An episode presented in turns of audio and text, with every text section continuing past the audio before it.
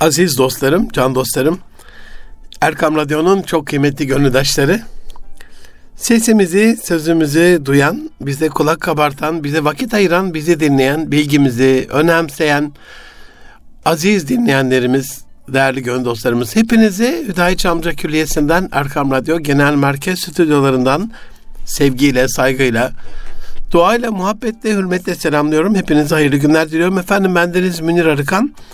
Erkam Radyo'da Nitelik İnsan programında sizlerle geçen hafta başladığım şu tercih döneminde aileler ve gençlerimiz açısından üniversite tercihlerinde dikkat etmemiz gereken bazı hususları sizlere sunmaya gayret edeceğim. İnşallah e, bugün bitirmiş olurum. Çünkü bu arada tercihler de gelecek hafta salı günü bitmiş olacak 8'ine kadar. Can dostlarım Hatırlayacağınız üzere geçen haftaki programın tekrarı ile alakalı, arşivden dinlenmesiyle alakalı bu programın tercih e, aşamasında olan gençlerimize duyurulması ile alakalı çağrımı yapmıştım. Yine yeniliyorum bu çağrımı. Meslek seçiminin ne kadar önemli olduğunu, okunacak bir bölümü, gidilecek bir üniversiteyi, orada kuracağımız ilişkileri oluşturduğumuz çok özel bir dönemin bizim hayatımızda geleceğimizde ne kadar önemli olduğunu sizlere arz etmiştim. Yine arz etmeye de devam edeceğim. Canlar malumunuz olduğu üzere 1 milyon aşkın 1 milyon 111 bin gibi e, öğrencimiz için 8 Ağustos'a kadar sürecek olan bir tercih maratondayız. Önce sınav maratonu, şimdi tercih maratonu. Maratonlar devam ediyor, bitmiyor. İş seçimi, eş seçimi kadar önemli. Hayatın en önemli kararlarından bir tanesidir. Zaten hayatınız kararlarınıza eşittir. Buradaki e, en denklemi sarsıcı, eşitliği bozucu ya da oluşturucu unsurlardan bir tanesi de meslek seçimiyle alakalı kararlarımızdır. Aynı eş seçimi kararımızda olduğu gibi. Yanlış eş doğru işi mahvedebileceği gibi yanlış işte doğru eşe eza ve cefa vesilesi, çola çocuğa bir zulüm vesilesi olabilir. Mutsuz ve huzursuz olan işinde bunu ailesine, eşine, çocuklarına yansıtacaktır yani. Bu açıdan tercihlerin Rabbimizin bize nakşettiği fıtrat, yetenek, kabiliyet ve potansiyel doğrultusunda yapılması, bizim dünyaya gönderiliş vasıtamızı, vesilemizi, amacımızı gerçekleştirmemizde bir vesile olmasını, ve hayattaki mutluluğumuza da tesir edecek olan bir unsur olmasını gözden kaçırmamamız gerekiyor. Yani hayatımızın geri kalanını nasıl yaşayacağımız konusunda üniversite tercihleri belirleyici oluyorsa aslında bu bir bölüm tercihi değil. Bu yaşımdan sonra 17, 18, 19, 20, 21 hangi yaştaysanız aslında bundan sonraki 60, 80 yılımı, 100 yılımı nasıl yaşayacağım kararınızdır. Bu anlamda bunu önemsemenizi, istişarenizi tam yapmanızı, istişare halkanızı genişletmenizi, mümtaz şahsiyetlere, bilgili şahsiyetlere bu konuda danışmanızı tavsiye ederim. İşini sevmeyenin beyni, eşini sevmeyenin de kalbi asla ve asla huzur bulamıyor aziz dostlarım. Peki hani aile medeniyeti programında eş seçimiyle alakalı program yaparız ama şu anda iş seçiminde, meslek seçiminde, üniversite seçiminde, bölüm seçiminde neye dikkat edeceğiz? Her şeyden evvel dikkate aldığınız ilk şey iş imkanları ve iş olanakları olmasın. Çok sevdiğim bir yeğenim var. Ee, birkaç sene evvel dayıcım dedi ne yaptın? Dedi İngilizce öğretmenliği yazdım. Dedim ne alaka sen hani İngilizceyi sevmezsin bu konuda şu ana kadar senin orta lise çağında bir şey görmedik, bir eğilim görmedik. E, ataması kolay oluyormuş dedi. Yüreğim yandı böyle. Sevmediğiniz bir işte imkan tanınması sizi geliştirmez bilakis köreltir. Hani erken atanmış olmanız oraya hayatta şoku erken yaşamanıza vesile olur. Eminönü'nde çok meşhur bir oyuncak tamircisi dostum var. Buradan da anmış olalım. Doku Oyuncak'tan Suat abi. Böyle o küçük tamirhanesinde, atölyesinde hayatını adadığı, sevdiği ve seyrek yaptığı bir iş icra ediyor. Ekonomiye de katkı sağlıyor. Türk ekonomisine katkı sağlıyor. Yani nasıl katkı sağlıyor? Tamir ederek yüzde sekseni ithal olan pahalı oyuncakları yenisini alarak böyle milyonlarca dolar yurt dışına akıtmamızın önüne geçiyor. ithalatın önüne geçiyor. israfı önlüyor. Kişilerde anısı olan eski ve nostaljik oyuncakları işler hale getiriyor. İnsanları mutlu ediyor. Daha ne yapsın yani? Bir de hani Rabbimiz israfı sevmiyorsa, israf edenleri sevmiyorsa bir tekeri gitti at. İşte bir kumandası bozuldu at. Bir tane devresi yandı at. Bir kablosu koptu at değil. Eskiden Allah gani gani rahmet eylesin Mehmet eniştemiz vardı. Hatice halamın e, eşi olan. Lostracıydı kendisi. Ayakkabı tamircisi. Yani evlerinde ben bugüne kadar gittiğim evler içerisinde bereketi en yüksek olan düşünsenize yani sülale Hocazadeler sülalesi bir sürü zengin insan var. Ondan belki mübalağa yapmıyorum yani 10 katı daha para fazla kazanan aile üyeleri var ama onlardaki bereketi hiçbir evde görmedim ben. Hani Allah Resulü hiç kimse elinin emeğiyle yaptığından kazandığından daha hayırlı bir şey kazanmamıştır, daha hayırlı bir rızık yememiştir manasında hadis-i şerifleri var ya. Aynen öyle çünkü el emeği göz nuru dediğimiz şey israfı da önlediği için eskiden hani şu andaki gibi kaliteli değildi ayakkabılar. E, biraz da pahalıydı da ve mutlaka tamir edilirdi. Yani ayda bir kere bir yolunuz Lostra'ya düşerdi. Şimdilerde fabrikasyon icat oldu, mertlik bozuldu, tüfek icat oldu, mertlik bozuldu der gibi. Yani hemen atıp yenisini alma. Eskiler eskimeyen sözler söylemiş aziz dostlarım. Eskisi olmayanın yenisi olmaz diye. Bu eskiyi muhafazayla alakalı e, eskiye olan saygınızla alakalı, eşyaya olan saygınızla alakalı bir anlamda. Tabi tepesinde de Rabbimize olan saygımız var. O müsrifleri sevmiyorsa Rabbim öyle bir kul e, değilim ben anlamında. Yani hayatınıza adayacağınız bir işin sizin bir özelliğinize uygun olması, sizi bir şekilde mutlu etmesi gerekiyor. Bu arada can dostlarım, meslek seçiminde %90-95 böyle göz ardı edilen bir hakikati de sizlere hatırlatmış olayım. Gençler yeteneklerini tespit ediyorlar. Bu çok güzel diyelim Türkçe matematik puanı ile bir mühendisliğe girebileceklerini daha lisedeyken tespit edip mühendislik kelimesinin de büyüsüne katılıp çok da çalışıp bir mühendislik fakültesini kazanıyorlar. Hatta oradan başarıyla mezun oluyorlar. Peki Münir Hocam burada ihmal edilen, atlanılan, unutulan hakikat ne ola ki? Aslında ben bunu anlatırken bir taraftan da ya Münir Hocam ballı lokma tatlısı yani daha ne olsun ki ne ola ki dediğinizi duyar gibi oluyorum. Burada ihmal edilen hakikat şu ki Mühendis olmak bir şey değil. İnsan mühendis olur. Bunu bilinçli olarak tercih eder. Hatta hangi mühendislik alt biliminde olacağını, hani mekatronik mi, mekanik mi, makina mı, elektronik mi, endüstri mi, ne mühendisi olacağını, uzay mühendisliği mi tespit eder. Ama burada hani hayat tecrübem şunu gösteriyor ki asıl önemli olan nerede çalışacak mühendis olacağınıza baştan karar vermenizdir. İşte gençler bunu yapmıyorlar. Nerenin mühendisi olacaksınız? Hangi Gülistan'ın gülü ve goncası olacaksınız? Bir çevre kurumunun mühendisiyle bir hastanenin, bir altyapı şirketinin mühendisiyle bir eğitim kurumunun, bir inovasyon ve ARGE şirketiyle altyapı inşaat grubunun mühendisi aynı şey değildir aziz dostlarım asla ve asla aynı şey değildir. Oranın ekosistemi sizi mutlu edecek, sizi rahatlatacak, size huzur verecek bir ekosistem değilse yaptığınız işi orada icra etmiş olmanız sizi mutlu etmeyecektir. Mühendislik formasyonunda bölüm olarak aynı mühendis de olsa işlevi, sorumluluğu ve odaklandığı şey itibarıyla çalışma şartları aynı şey değildir. Hangi ekosistemde hangi sektörde, hangi pozisyonda çalışacaklarına karar veremedikleri için bırakın formasyona göre mühendis titri altında, ünvan altında çalışmayı, formasyon dışı mühendislik bilgi ve tecrübesini hiç kullanmayacağı bir işi bile yokluk yüzünden çaresizce kabul edebiliyor gençler. Ki yandı günüm keten elba bu durumda. Yani aslında diyelim endüstri mühendisi ya da makine mühendisi ama satış pazarlamayla alakalı bir görev verilmiş mühendislik formasyonunun dışında yeni bir alana kayıp orada uzmanlaşabiliyor. Tabii ki bir e, teknik cihazın satışıyla alakalı mühendislik titrine formasyonuna sahip bir insanın anlatımı etkili olacaktır. Bunu tabii ki önemsiyorum. o lisanı konuşmasıyla alakalı, bütün teknik detayına vak olmasıyla alakalı ama şöyle bir örnek vereyim size. Siz düşünün aziz dostlarım.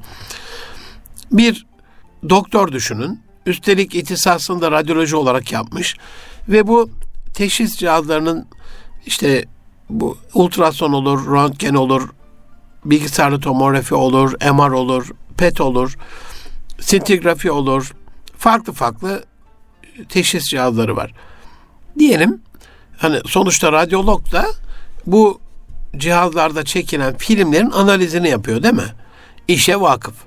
Ve o cihazları çalıştıran kişi nasıl çalıştığını biliyor. Şimdi bunun bu cihazların pazarlamasıyla alakalı siz bir pazarlama uzmanı çalıştırmanız mı daha uygun sizce yoksa hayatını insana adamış, bununla alakalı kendini geliştirmiş, 20 yılını bu konuda vermiş, ihtisasını da bu konuda yapmış bir insanı mı alıp pazarlamacı olarak çalıştırırsınız? Söylemek istediğim paradoks buydu. Burada kısa devre yaptırırsanız mutluluk da kısa devre yapıyor. Kalple beyin arasında sürekli bir duygu karmaşası sizi mutlu etmiyor. Burada bahsetmem gereken çok önemli bir unsur da can dostlarım. Geleceğin temel yetkinliklerini bilip kendinizi geleceğe hazırlamanız. Hazreti Ali Efendimizin hani çocuklarınızı yaşayacağı yaşadığı çağa göre değil, yaşayacakları çağa göre yetiştirin emrinden yola çıkarak ilmin kapısı Allah'ın kılıcı olan Hazreti Ali'den bahsediyoruz. Herhalde tespiti çok önemli olsa gerek. Trend Watcher mı, Trend Setter mı trendleri takip eden vay be elin oğlu neler yapmış diye hayıflanan mı? Geleceği tahmin etmenin en kesin yolu onu inşa etmektir diyor bir uzman. Aynen öyle o geleceğin inşası ile alakalı üzerine düşen vecibeleri yapıyor mu? Yapmak istiyor mu? Nasıl bir gelecek kurmak istiyor kendine? Onun için gelecek nasıl bir genç arıyor? Buna dikkat etmek gerekiyor. Bence okulda verilmeyen, üniversitede öğretilmeyen bu temel yetkinliklere önünüzde uzun bir dönem var can dostlarım. Hem aile olarak hem öğrenciler olarak. Her ay mesela bir tanesini çözseniz haydi haydiye tamamlanacaktır. Kaldı ki 52 tane temel yetkinlik de yok. Dünya Ekonomik Forumu birkaç ay evvel 2025 yılı itibarıyla geleceğin temel yetkinliklerini açıkladı. Her yıl açıklarlar böyle bir şey Davos'ta biliyorsunuz. Burada bir numarada analitik düşünce ve yenilikçilik var. Aziz dostlarım bir şey yenilemiyorsa kendini, yeniden doğmuyorsa, hani Heraklius'a atfedilen Mevlana'nın da Mesnevi'de yazdığı aynı nehirde iki kez yıkanılmaz cancağızım çünkü bugün girdiğin su dünkü su değil. Çok sular aktı köprünün altından ve bugün girdiğin beden dünkü beden değil. Çok şeyler değişti vücuttan. Dolayısıyla artık yeni bir güneş doğdu. Yeni şeyler söylemek lazım cancağızım diyor ya aynen öyle. Yenilikçilik bu çağın ana trendi, ana ruhu. Bununla alakalı da analitik düşünmek gerekiyor. Tabi analitik düşünce derken bu düşünce becerisi bir problemi ya da hedef olarak belirlediğiniz bir konuyu tüme varım değil, tümden gelim yöntemiyle küçük parçalara ayırarak ve parçaların birbiri arasındaki bağlantısını kurarak çözmek anlamına geliyor. Analitik ise bir şey, ne kadar ihtiyacımız olduğunu düşünün. Burada o bütüne bakıp eleştirel bir düşünce gerçekleştirebiliriz, geliştirebiliriz. Mantıksal olarak akıl yürütebiliriz, çözüm odaklı olabiliriz. Bunun ne olduğuyla alakalı araştırabiliriz, tahmin edebiliriz. O aradaki karmaşayı bulabiliriz. Ve bu bize problemin çözümüyle alakalı küçücük küçücük küçücük parçaları, cüzleri vakıf olduğumuz için künhüne de vakıf olarak anlayarak çözmemizi sağlar. İçerisinde büyük ihtimalle sorgulayıcı olma, bağlantı kurma, farkındalık da olsa gerek analitik düşüncenin içerisinde. Rabbimizin tefekkürle, fekaradan geliyor, fikretmekten, akletmekle, düşünmekle, tedebbürle, sürekli Kur'an-ı Kerim'de akletmez misiniz, düşünmez misiniz, idrak etmez misiniz, Anlamaz mısınız, görmez misiniz? Nazar da bir düşünce şeklidir çünkü. Efela yanzurun ilel ibli keyfe hulukat. Neden söylüyor Rabbim bunu? Devenin yaratılışına bakmaz mısınız? Farcil basara hel tera min futur. Gözünü göğe çevir bir bak. Hani o da bir tefekkür vesilesi çünkü. Sürekli buna vurgu yapması, yüzlerce ayet-i kerimede düşünceye vurgu yapması boşuna olmasa gerek. Onun için gelecek bilimciler de düşüncenin hayatımızda çok önemli bir yeri olduğunu anlamış durumdalar.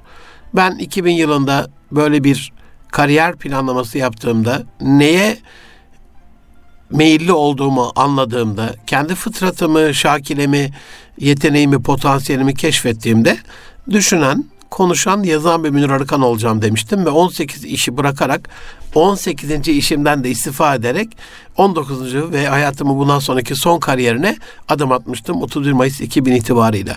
Elhamdülillah kendimi düşünceye adamıştım. Çünkü Rabbimizin tesis ettiği hakikatin peşinde giderek madem bu kadar önem veriyor Rabbimiz düşünceye ben de önem vermem gerekiyor diye düşünmüştüm ve bence de hani şemsiye en tepedeki şemsiye düşünce.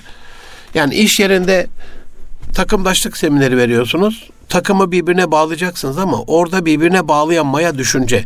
İnsanlar birbirini düşünüyorlar mı? Ailede eşleri birbirine bağlayacaksınız ama oradaki maya düşünce. Eşler birbirine umursuyorlar mı? Umursuyorsa düşünür. Düşünüyorsa umursar. Aile sorumlu bir aile mi? Eğer düşünürlerse çocuklarının geleceğiyle alakalı sorumlu bir aile olur. Dolayısıyla hani kask alanı dediğimiz kişisel, ailevi, sosyal ve kurumsal dört yaşam alanında da düşünce çatı özellik. Benim açımdan öyle. Dünya Ekonomik Forumu da bunu bir numaraya koymuş. Aktif öğrenme dediğimiz bir öğrenme yöntemi, yaşayarak öğrenme, biraz daha learning organization diyorlar ya şimdi makinalara bile machine learning e, makine öğrenmesi e, öğretiliyor. Dolayısıyla aktif öğrenmenin içerisinde hani lifelong learning dediğimiz ömür boyu öğrenme olacak ama doğru bilgiyi farklı farklı fikirleri edinerek bazı aktivitelerle yaşayarak bazı projelerle onu yaparak gerçekleştirmesi. Dolayısıyla yani bir öğretmeye maruz kalma değil, öğrenmeye maruz kaldı. Teaching değil, learning felsefesiyle teşkil edilen bir öğrenme. Onun için içerisinde hani konuşmayla ilgili, dinlemeyle ilgili, okumayla ilgili, yazmayla ilgili, düşünmeyle ilgili e, bütün imkanların öğrenciye sağlandığı bir öğrenme şekli. Karmaşık problem çözme. Bir numarada bu analitik düşünce ve yenilikçilikle alakalı söylemiştim. Hayatın karmaşasını çok daha karmaşık hale getiriyoruz. Gittikçe de daha kompleks bir yapı haline geliyor. Kaotik bir ortam. Onun için burada e, o karmaşık problemleri çözme becerisinin gelişmesi gerekiyor öğrencilerin.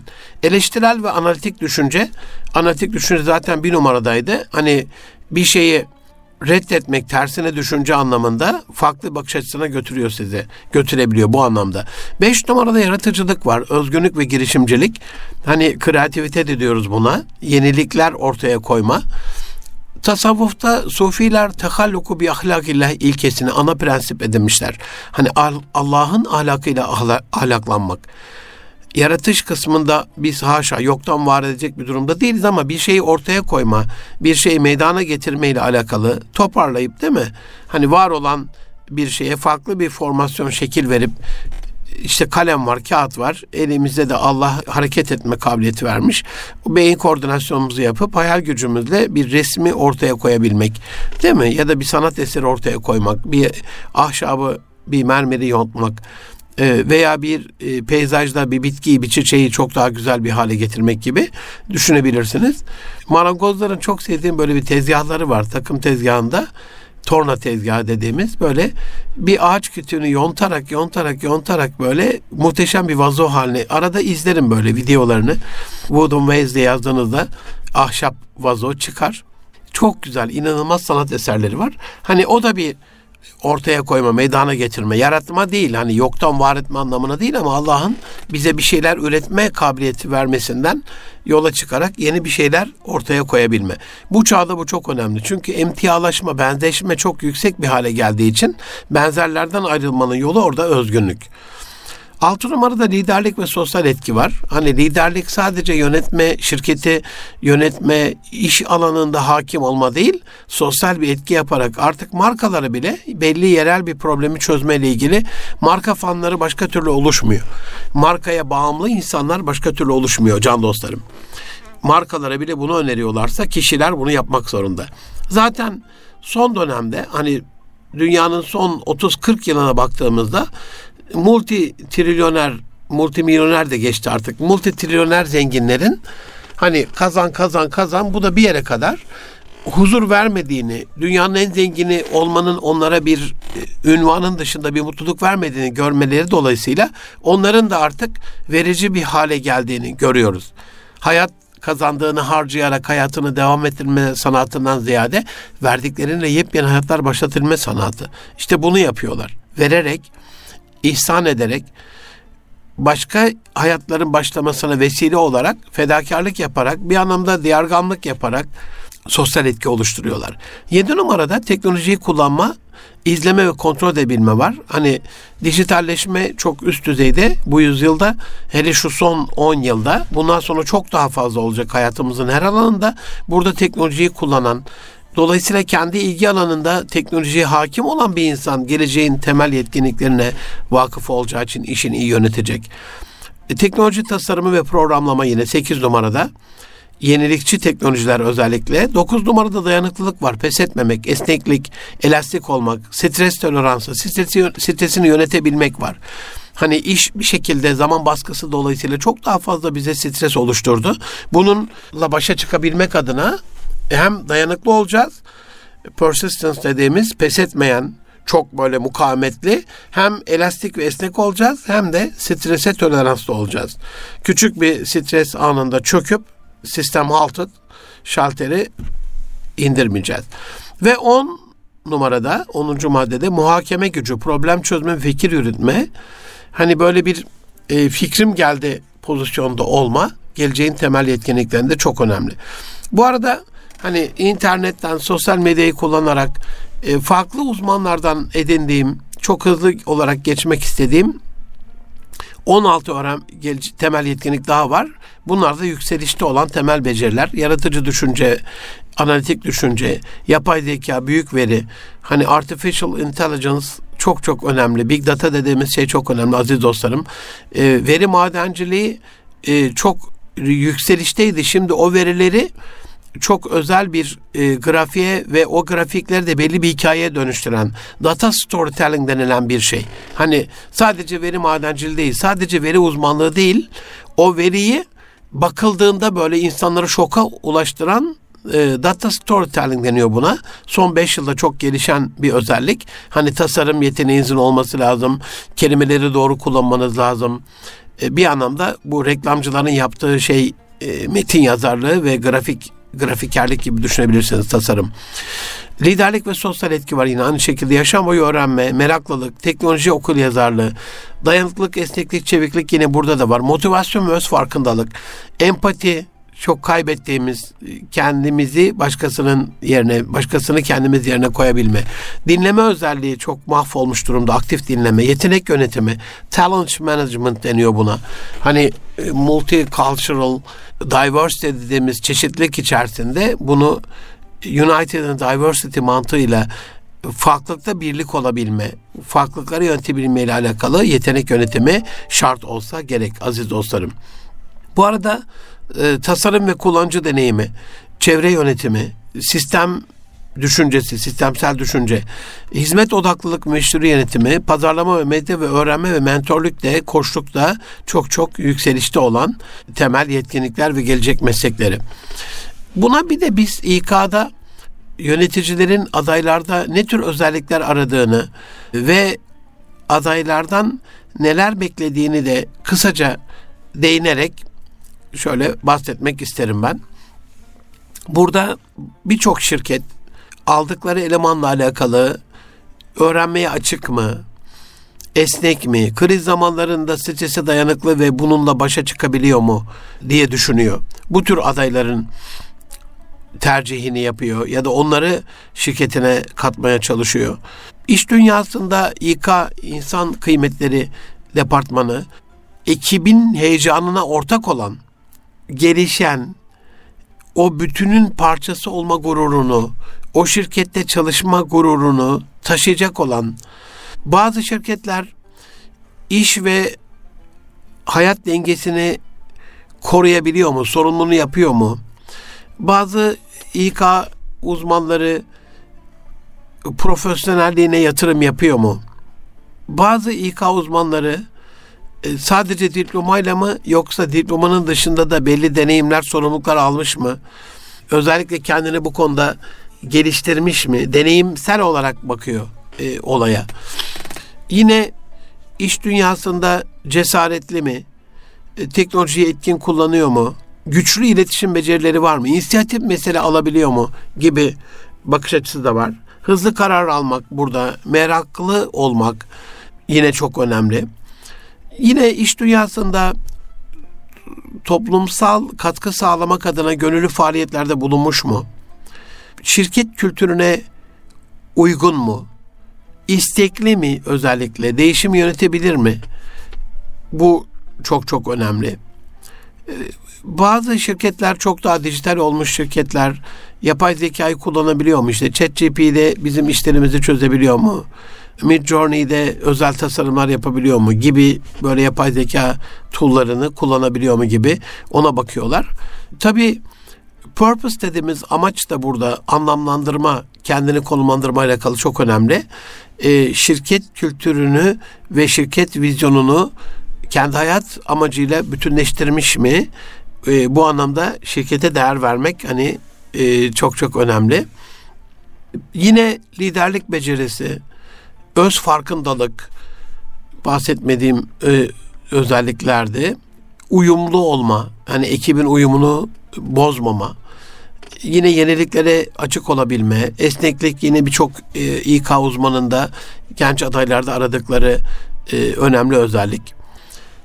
Aklınıza sadece ma- maaş odaklı bir şey gelmesin. Çalışanlar da ilk öncelikleri maaşa bakmıyorlar. Hani burada gelişimimize önem veriliyor mu? Biz değer görüyor muyuz? Ee, görüşlerimize saygı duyuluyor mu?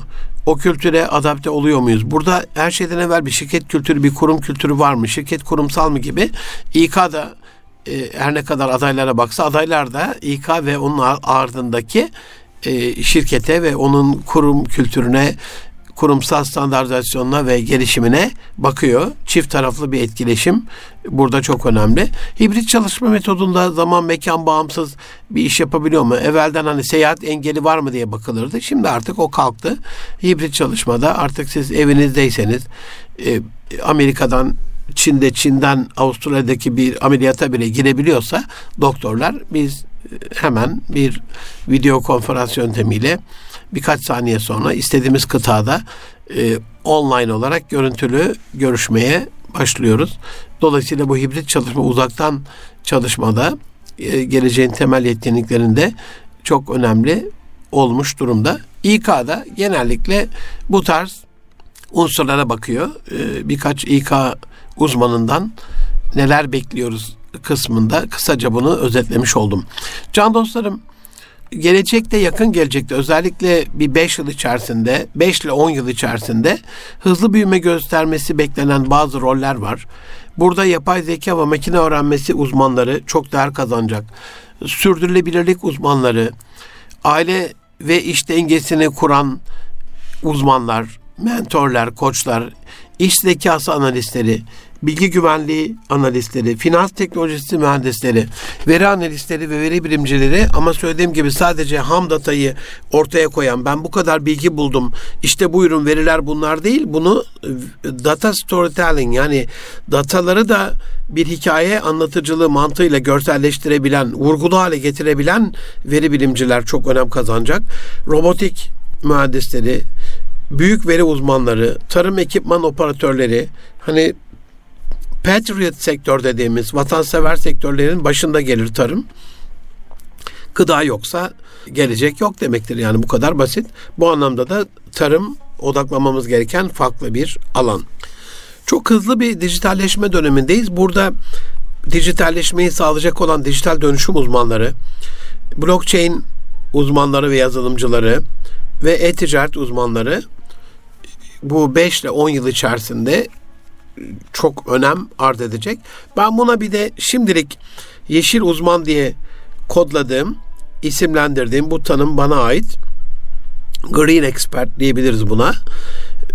Yeşil uzmanı ekliyorum. Hani bütün faaliyetlerimizin, hani faaliyetlerin sürdürülebilir olması e, çevreyi korumaya bazen destek olmayabilir.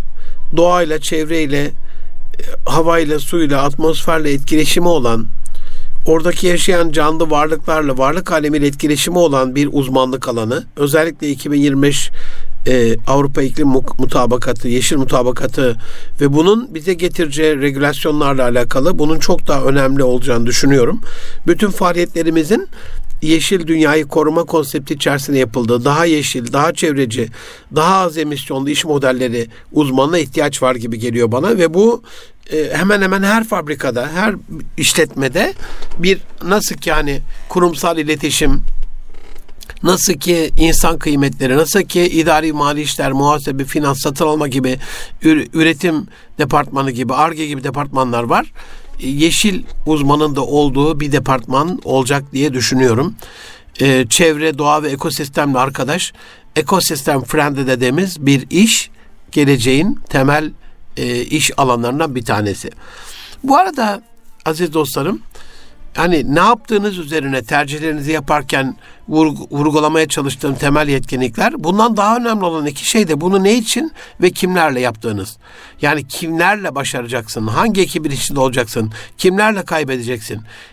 Kimlerle başardığın ve kimlerle kaybettiğin neyi başardığına ya da neyi kaybettiğinden çok daha önemli.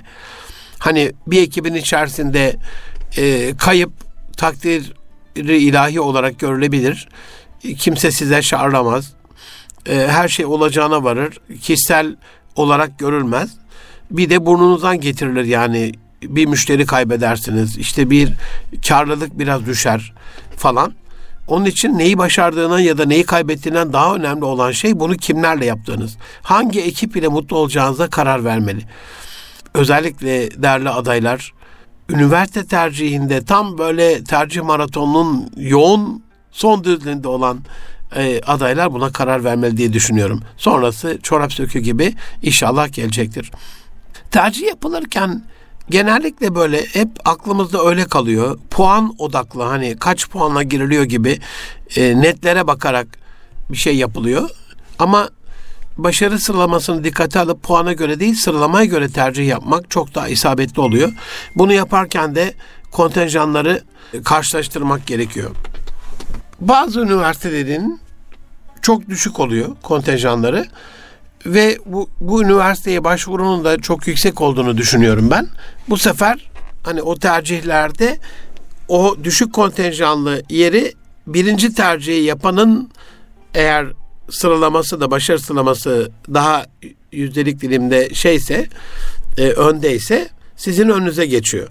Bu anlamda hani kontenjana bakmak lazım. Eğer başarı sıralamasında çok gerideyseniz daha yüksek kontenjanlı bölümlerde kazanma şansı çok daha yüksektir.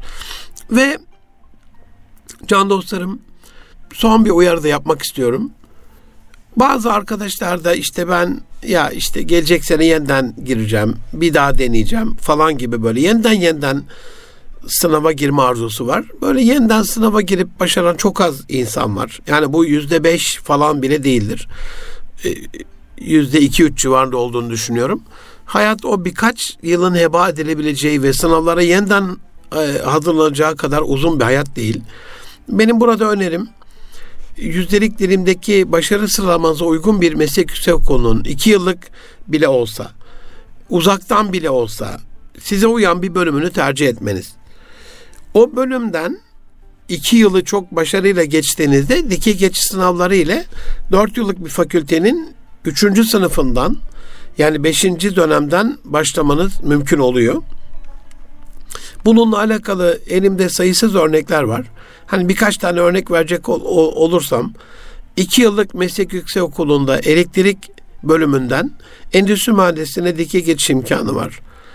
Ya da elektronik teknoloji dediğimiz böyle çok bilinmeyen bir iki yıllık meslek yüksek okulundan yine endüstri mühendisliğine geçiş var.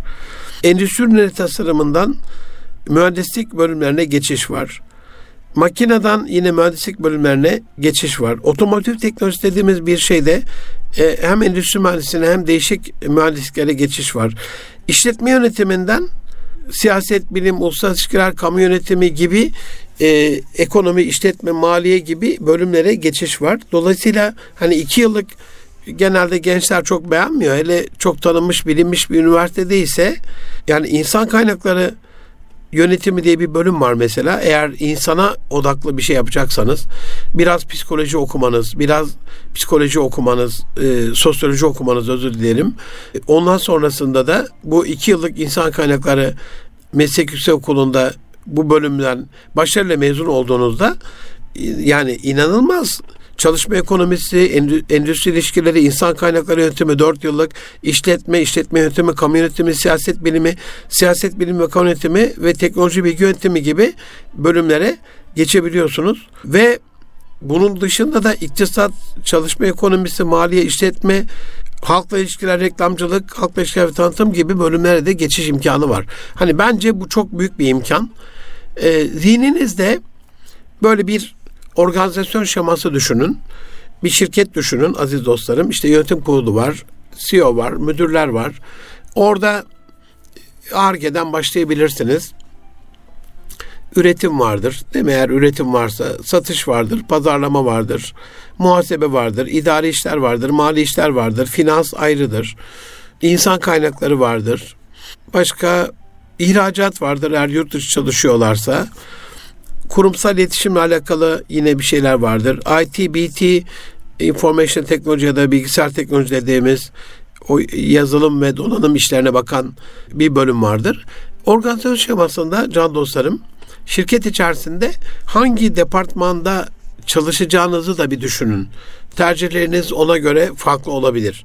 Sizi neyin mutlu ettiğini, hangi şirketin, hangi sektörün, hangi departmanında mutlu olacağınızı, bunu yaparken de aslında Rabbimiz sizi temel bir ve e, vazifeyle, temel bir sorumlulukla, temel bir görevle hayatınıza bir anlam vererek o anlamı da parmak uçlarınıza nakşederek gönderiyor. Ruhundan size üflerken buna karar veriyor Rabbim. İlahi bir tasarımsınız siz. Dünyaya bir hediyesiniz. Bunu lütfen unutmayın. Ve bu ilahi tasarıma fıtrat dediğimiz aykırı bir maya dikiş asla tutmuyor.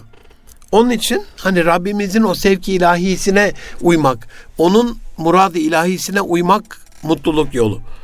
Yani Rabbim sizi konuşan, düşünen, yazan bir insan olarak yaratmışken siz gidip farklı şirketlerde işte burada yaşanmış bir örnek var. Hani ben yaptım bu hatayı siz yapmayın diye sizlere bunu konuşuyorum. 18 farklı iş yapar mı bir insan hayatında yahu? Yazık yani başarılı olduğumu düşünüyorum. iz bıraktığımı düşünüyorum. Çalıştığım şirketlerde çok huzurla çalıştığımı düşünüyorum ama hep böyle ar, arka fonda kendini arayan bir Münir. O kitap yazmanın peşinde, seminer vermenin peşinde, kurumlara danışmanlık yapmanın peşinde, ailelere yol göstermenin, insana dokumanın peşinde yani. Eğer kendinizi gerçekleştiremezseniz baki kalan kubbede hoş bir seda olamıyorsunuz can dostlarım. Dolayısıyla bütün çabanız ben kendimi nerede gerçekleştirebilirim? Hangi alanda kendimi gerçekleştirebilirim? Hangi alanda kendim olabilirim? Kendim olarak bir iz bırakabilirim ve mutlu olurum. Böylelikle Rabbimin benden isteğini de yerine getirmenin huzuru da bende neşnema bulur şeklinde düşündüğünüzde para er rızku alallah. Hiç düşünmeyin. Ya hocam parasız çalışılır mı falan dediğinizi duyar gibiyim. Elbette bir işin helalinden bir bedeli olacak. Ama Allah uhdesine almış onu. Nasıl ki böyle sabahleyin aç böyle e, sefil perişan bir tabiri caizse uyanan kuşlar sürüler halinde üstelik dolaşarak tok bir şekilde dönüyorlarsa yuvalarına aynen öyle insanın Allah'a tevekkülü de bu derecede olduğunda hani o yuvasında ağzından gagasıyla annesini beslediği kuş misali e, rızık da bizi kovalar bize gelir. rızık odaklı, rızık endişesiyle bir şey seçmeyin. Onu söylemeye çalışıyorum. Çok basit de olsa, ha çok önemli bir şeyle bitireyim. Bir rızık endişesiyle iş seçmeyin. Aa burada bol para kazanma imkanı var işte burada acayip zengin olurum milyon dolar milyar dolarla kazanırım falan gibi böyle bir şey düşünmeyin. Bir amacınız varsa ama hani Afrika'da kuraklığı bitirmekle alakalı, Afrika'da susuzluğu gidermekle alakalı, Afrika'nın Bill Gates'in yaptığı gibi daha temiz altyapısının kurulması, e, daha çevreci tuvaletlerin e, orada yerleştirilmesiyle alakalı bir hedefiniz varsa bununla ilgili de 10 milyar dolar gerekiyorsa hedefiniz 10 milyar dolar kazanmak olabilir. Ama hedefiniz para değil burada. 10 milyar dolar amaç değil araç bir şey yapmak için. O neyi yapmak istediğinize odaklanın. Bir, ikincisi de hayat hedefinizi böyle sorgularken hani demiştim lütfi ilahi size bir murad ilahi bir şey nakşederek size yollar ya o iç aleminizde bir bakın nerede mutlu oluyorsunuz? Neyi yaparken mutlu oluyorsunuz? Bu mutluluk madalyonun bir tarafı öbür tarafta da ne olarak anılmak istiyorsunuz? Hani o baki kalan kubbenin hoş sedasında bir konuyu başaracaksınız ve iz bırakacaksınız ya, çığır açacaksınız ya, o işin uzmanı olacaksınız ya, oradaki gayenizi de İnşallah sorgulayın. Tercihlerinizin inşallah geleceğinizle alakalı tam da hayal ettiğiniz kendiniz olmak, kendinizi gerçekleştirmek ve mutlu olmanızla ilgili bir tercih olmasını, kararlarınızın böyle bir karar olmasını, buna da ailece uyum içerisinde karar vermenizi, mutlu, huzurlu bir üniversite hayatından sonra da o işin uzmanı olarak e, hayırlı, güzel, faydalı olan insanların hayırlısı oluyorsa faydalı bir hayat sürmenizi Rabbimden murad ederim. Hoşça kalın. Allah'a emanet olun can dostlarım.